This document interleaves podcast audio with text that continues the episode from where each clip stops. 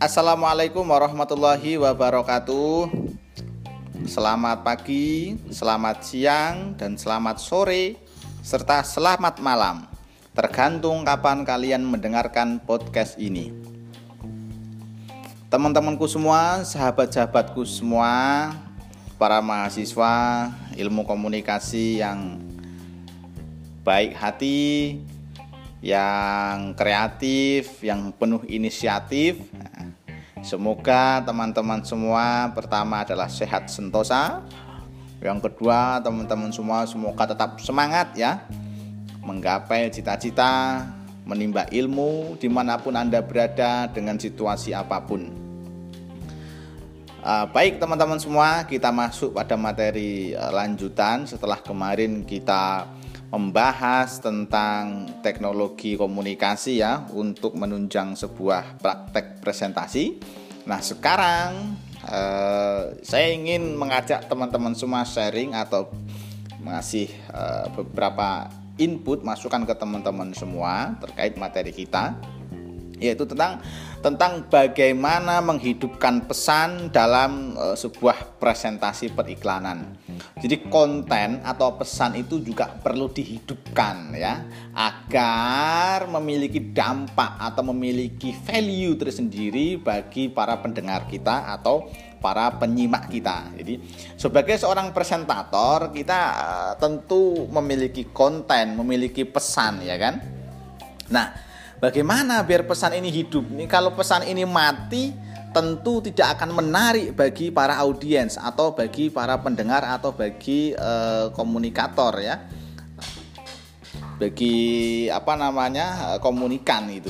Nah, tentu uh, ini perlu trik ya, perlu pemahaman dari teman-teman semua kira-kira bagaimana agar pesan-pesan yang kita sampaikan, pesan-pesan yang kita paparkan memiliki ruh atau bisa mempengaruhi e, orang lain.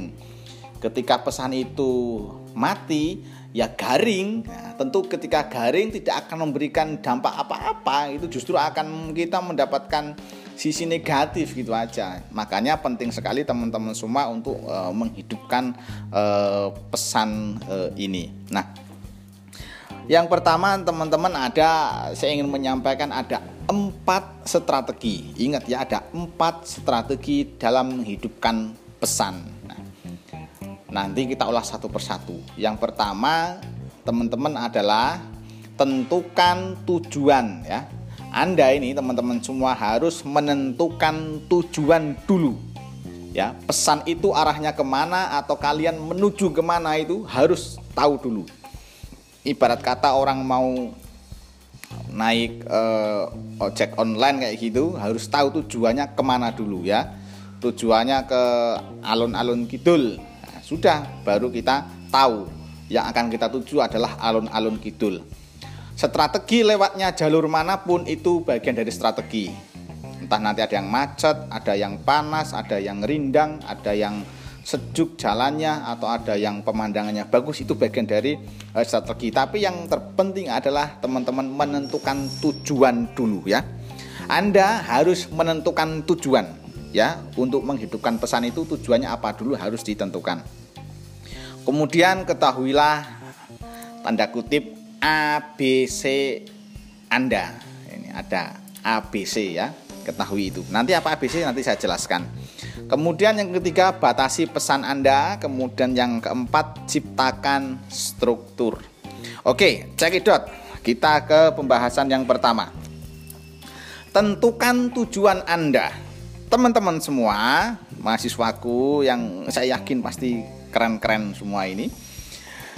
Spesifikasikan hasil atau aksi yang ingin Anda lakukan sebagai konsekuensi dari apa yang Anda sampaikan.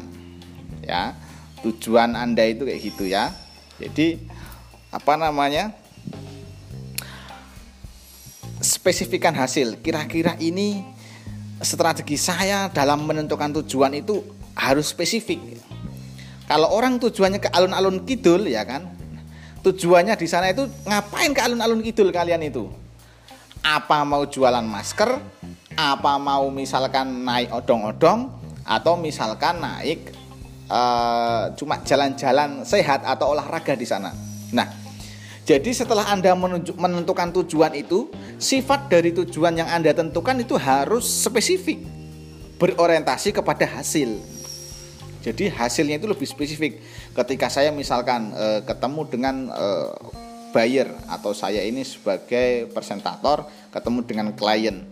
Jadi tujuannya kan otomatis memang e, berhasil, tapi kita punya tujuan tertentu yang spesifik. Misalkan sederhana saja misalkan e, contoh di lapangan misalkan kalian tiba-tiba e, melakukan sebuah presentasi di depan jadi begini lembaga kalian atau instansi kalian misalkan teman-teman itu atau perusahaan kalian e, secara surat menyurat melakukan audiensi dengan e, bupati atau dengan kepala Bapeda Badan Perencanaan Daerah misalkan.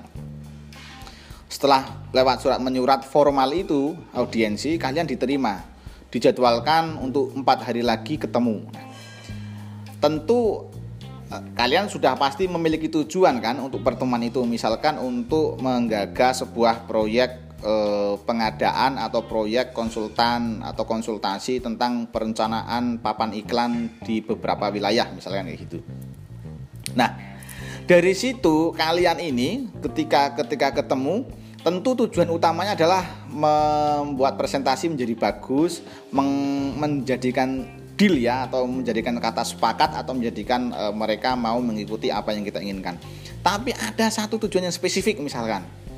Misalkan salah satu di antara kalian misalkan gitu, ketika ketemu dengan kepala Bapeda itu ada tujuan khusus. Apa misalkan? di ending acara, di ending seremonial secara resmi kalian minta nomor HP-nya Bapak Bapeda atau Bapak Bupati. Itu sangat penting. Jangan dikira hal-hal yang spesifik itu apa namanya tidak penting. Jadi ketika pertemuan formal itu kan biasanya dalam satu forum besar gitu.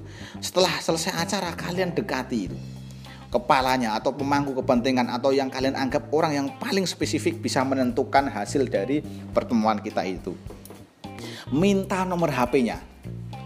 Kemudian kalian secara sederhana kenalkan Pak, saya uh, Marcelo, saya Ari atau saya Adit, saya uh, uh, kepala pilot project ini Pak. Nah, izin Pak minta nomor HP jenengan untuk misalkan komunikasi lebih lanjut gitu. Jadi nanti dengan minta nomor HP-nya gitu bisa komunikasi lebih intens, bisa lebih ada kedekatan, ya kan? begitu caranya jadi ketika begitu nah, baru nanti di follow up secara uh, intim gitu secara lebih apa namanya lebih dalam lagi di follow up seperti itu bukan uh, secara uh, formalistik gitu loh jadi kalau lewat surat menyurat pertemuan antara kedua belah pihak kesannya kan formal sekali. Baru ada ada ada tujuan tertentu atau tujuan yang spesifik yaitu dengan eh, apa namanya melobi kemudian komunikasi yang bagus yang baik melalui eh, media-media eh, telepon yang sudah kita terima itu secara personal. Tentu itu akan lebih apa namanya memberikan dampak itu. Saya sering sekali seperti itu. Jadi ketika ketemu eh, beberapa pimpinan atau orang-orang besar itu ketika dalam dalam forum seminar forum for, apa formal kayak gitu tentu kesannya biasa aja karena begitu banyak audiens. Tapi ketika misalkan saya secara khusus ketika hadir dalam satu forum itu saya pokoknya akan e, meminta nomor HP misalkan. Nah itu tujuannya lebih spesifik gitu tujuannya apa nanti untuk memfollow up atau nanti ketika ada project-project atau program-program lain yang bisa disinergikan gitu jadi lebih spesifik seperti itu nah itulah salah satu e, contoh ya dari kira-kira e, apa tujuannya lebih spesifik lebih spesifik ya Nah, tentu orientasinya adalah hasil ya. Nah, pokoknya uh, itu ya teman-teman ya. kira kira-kira tentukan tujuan dulu. Pokoknya ya. Itu yang pertama. Kemudian yang kedua adalah paling penting ini saya juga berpesan ke teman-teman di mana pun anda berada kapan pun saya kira ini yang harus kalian ingat-ingat ya ini harus diingat-ingat, harus benar-benar kalian terapkan di dalam praktek komunikasi apa pun, ya. Bukan hanya presentasi periklanan, tapi di mana pun anda berada ini sangat penting value-nya. Yaitu ketahuilah ABC. Apa itu ABC? Audience Based Communication. Atau komunikasi yang berdasarkan kepada pendengar ya. Basic basic. Nah, jadi kita ini eh, komunikasi berdasarkan audiens atau pendengarnya. Ingat ya pahami kebutuhan dan keprihatinan individu atau kelompok yang Anda ajak berkomunikasi dengan mengembangkan ABC ya. Audience based communication. Artinya apa teman-teman? Kita ketika mau berkomunikasi harus memahami betul audiens kita atau pendengar kita. Ya. Ya, baik dari sisi psikologisnya, keprihatinannya, mentalnya, ya. Itu sangat penting. Ya.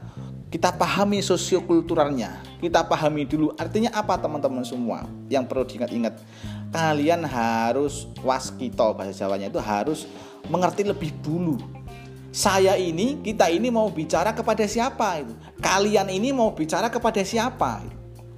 Harus memahami kebutuhan uh, audien itu, baik kebutuhan informasinya, kebutuhan psikologisnya, ya kan?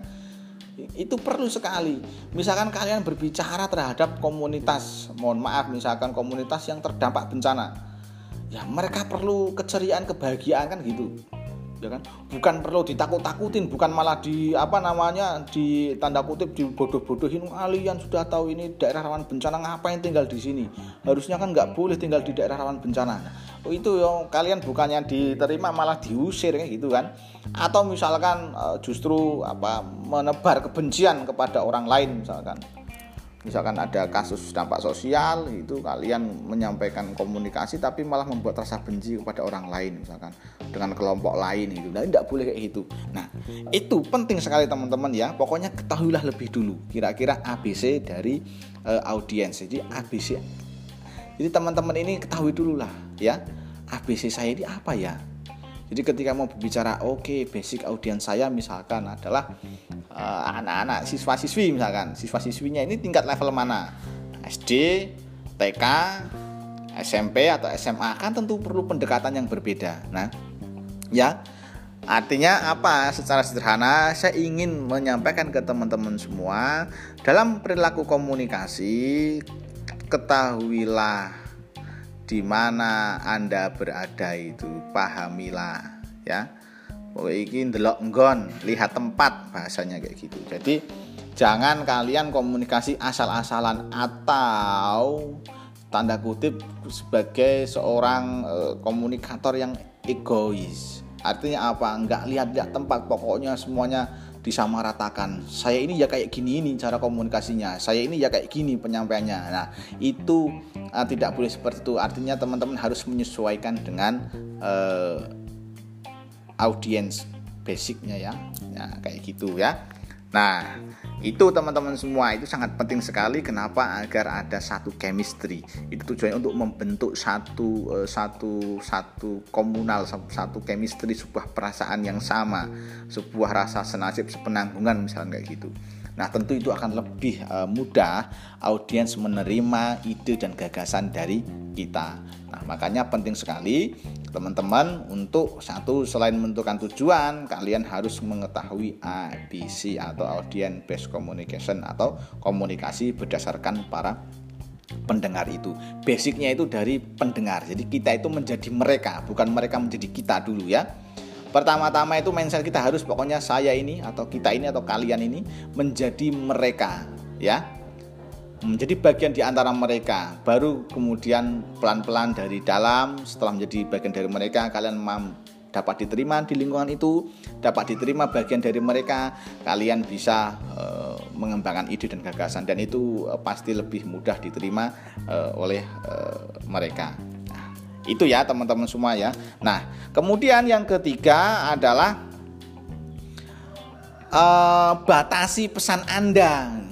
Ini cara menghidupkan pesan itu juga perlu pembatasan pesan. Jangan melantur-lantur atau ke mana-mana bahkan akhirnya nanti membuat perbincangan yang nggak penting akhirnya menjadi apa namanya berkesan negatif terhadap uh, teman-teman sekarang ini kan banyak tren ya kalau apa namanya uh, ketemu orang basa-basi kayak gitu-gitu tuh. Nah, itu kurang bagus juga sebenarnya. Jadi, kalau terlalu banyak basa-basi orang juga akan melihat ini aduh ke mana sih arah pembicaraan kan gitu. Nah, tentu teman-teman uh, dalam perilaku apa namanya presentasi periklanan itu perlu ya cara menghidupkan pesan itu juga batasi pesan Anda gitu. Jaga agar pesan Anda tetap sederhana dan langsung to the point gitu. Sederhana, mudah dipahami, mudah dimengerti dan to the point ya dan hati-hati terhadap pesan yang berkembang secara berlebihan intinya gitu. Jangan pesannya kadang wah berlebihan ngalor ngidul nggak jelas itu orang akhirnya akan nek atau apalah ya jenep atau aduh sungkan lah itu ya. Makanya itu sangat penting sekali teman-teman kira-kira mengukur ya. Jadi teks itu kalau ada teks diukur batasannya biar terstruktur itu ya jangan ngelantur ya ya bicara yang terukur dan struktur dan terstruktur. Jangan ngelantur. Yuk yuk yuk ya ingat ingat ingat. Batasi pesan Anda. Bicara yang terukur dan terstruktur. Jangan ngelantur. Tur tur tur. Ingat itu ya. Nah itu ya teman-teman semua ya. ya ingat jadi batasi pesan anda agar pesan anda hidup dan bermakna. Nanti kalau terlalu lama terlalu panjang terlalu berlebih-lebihan pembahasannya itu justru akan membiaskan akhirnya pesan itu akan mati ya. Nah, Nah, setelah tadi apa namanya terukur ya kan, batasi pesan Anda itu, kemudian ciptakan struktur atas pesan itu tentukan dengan jelas ya. Caranya itu tentukan dengan jelas bagian awalnya apa tengahnya apa dan akhir dari apa yang anda komunikasikan. Jadi strukturnya jelas awalnya seperti apa pertengahannya apa endingnya apa. Nah, seimbangkan proporsi informasi berdasarkan data dengan menyelipkan misalkan anekdot atau apa ya boleh juga sih. Tapi intinya strukturnya harus eh, apa namanya jelas gitu ya. Setelah terukur kemudian terstruktur itulah cara-cara menghidupkan uh, pesan uh, untuk sebuah presentasi iklan atau apa pun itu. Jadi biar orang itu komunikasi dengan teman-teman semua itu jadi lebih enak gitu loh. Sampean kabeh nanti wah enak ya komunikasi sama anak komunikasi itu gitu lah. Coba bayangkan kalau orang bilang komunikasi sama anak komunikasi kok nggak enak itu. Jadi aduh nggak nyambung kemudian nggak apa namanya nyaman kan gitu itu kan ya aneh juga kan gitu. Baik gitu ya guys. Jadi ada empat uh, strategi cara menghidupkan pesan ya. Saya ulangi yang pertama yaitu tentukan uh, tujuannya kemudian ketahuilah uh, audiens kita. Kemudian yang ketiga batasi pesan anda atau pesan itu harus terukur.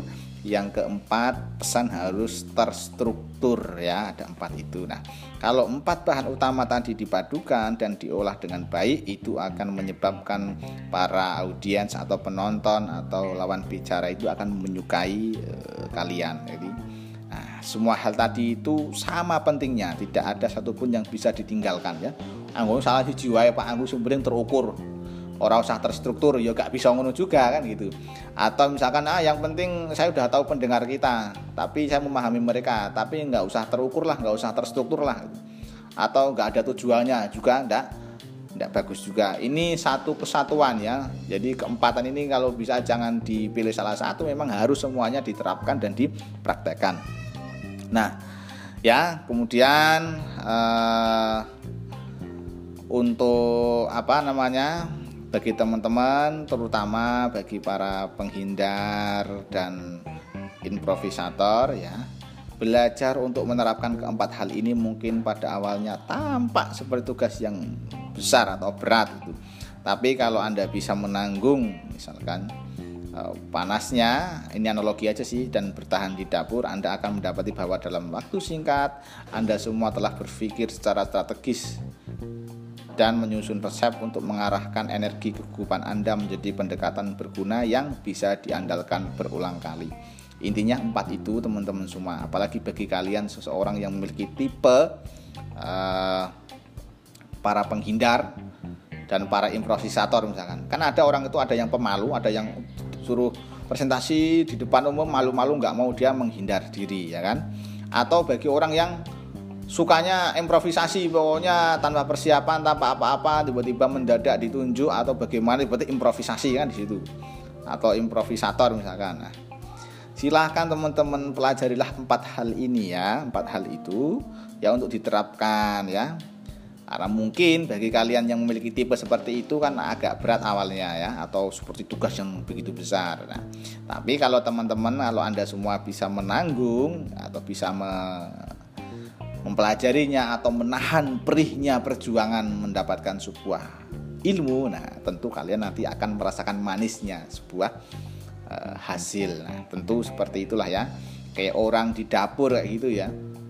Kalau kalian masak di dapur teman-teman kalian bisa menahan panasnya kompor asap dan seterusnya. Tapi nanti kalian akan mendapatkan nikmatnya sebuah uh, makanan. Dan itu secara singkat kita eh, untuk apa namanya berpikir secara strategis ya dalam menyusun resep misalkan apa pun itu nanti manfaatnya akan kita bisa tuai untuk apa bisa kita andalkan lah empat strategi ini untuk dalam situasi apa pun dan itu bisa digunakan berkali-kali dalam kondisi bagaimanapun. Saya kira seperti itu teman-teman semua ya apa namanya materi yang saya dapat sampaikan di uh, hari ini semoga ini bermanfaat. Tentu uh, yang paling penting dari sebuah teknik presentasi periklanan adalah sebuah praktek atau sebuah pengalaman kalian terus melatih melatih melatih diri kalian terus. Uji coba uji coba di mana pun. Jangan ada kata menolak atau jangan ada kata takut ya. Ketika diberi tugas diberi amanat untuk sebuah eh, praktek komunikasi misalkan itu entah MC presentator komunikator di apa pun itu jangan menolak ya siap siap. Belajar belajar belajar. Dari situ nanti akan terbiasa. Bahasa apa namanya tan malaka itu kan eh, terbentur terbentur terbentur nanti akan terbentuk. Jadi uh, itu sangat penting sekali ya. Biasakan kalian terbentur dalam situasi masalah yang paling berat apa pun. Pokoknya terus terbentur terbentur terbentur. Endingnya akan menjadi sebuah sesuatu yang terbentuk Demikian yang dapat saya sampaikan teman-teman semuanya tetap semangat selalu Anda di mana pun berada. Semoga semester depan bisa bertemu dan bagi kalian yang mau apa namanya praktek KKN yang mau apa pun K3 dan seterusnya semoga diberi kemudahan dan kelancaran. Demikian hari ini. Semoga tetap semangat selalu. Dari saya Pak Kupon Omah Doro cekap sementen mawon menawi lepat nyuwun ngapuro wassalamualaikum warahmatullahi wabarakatuh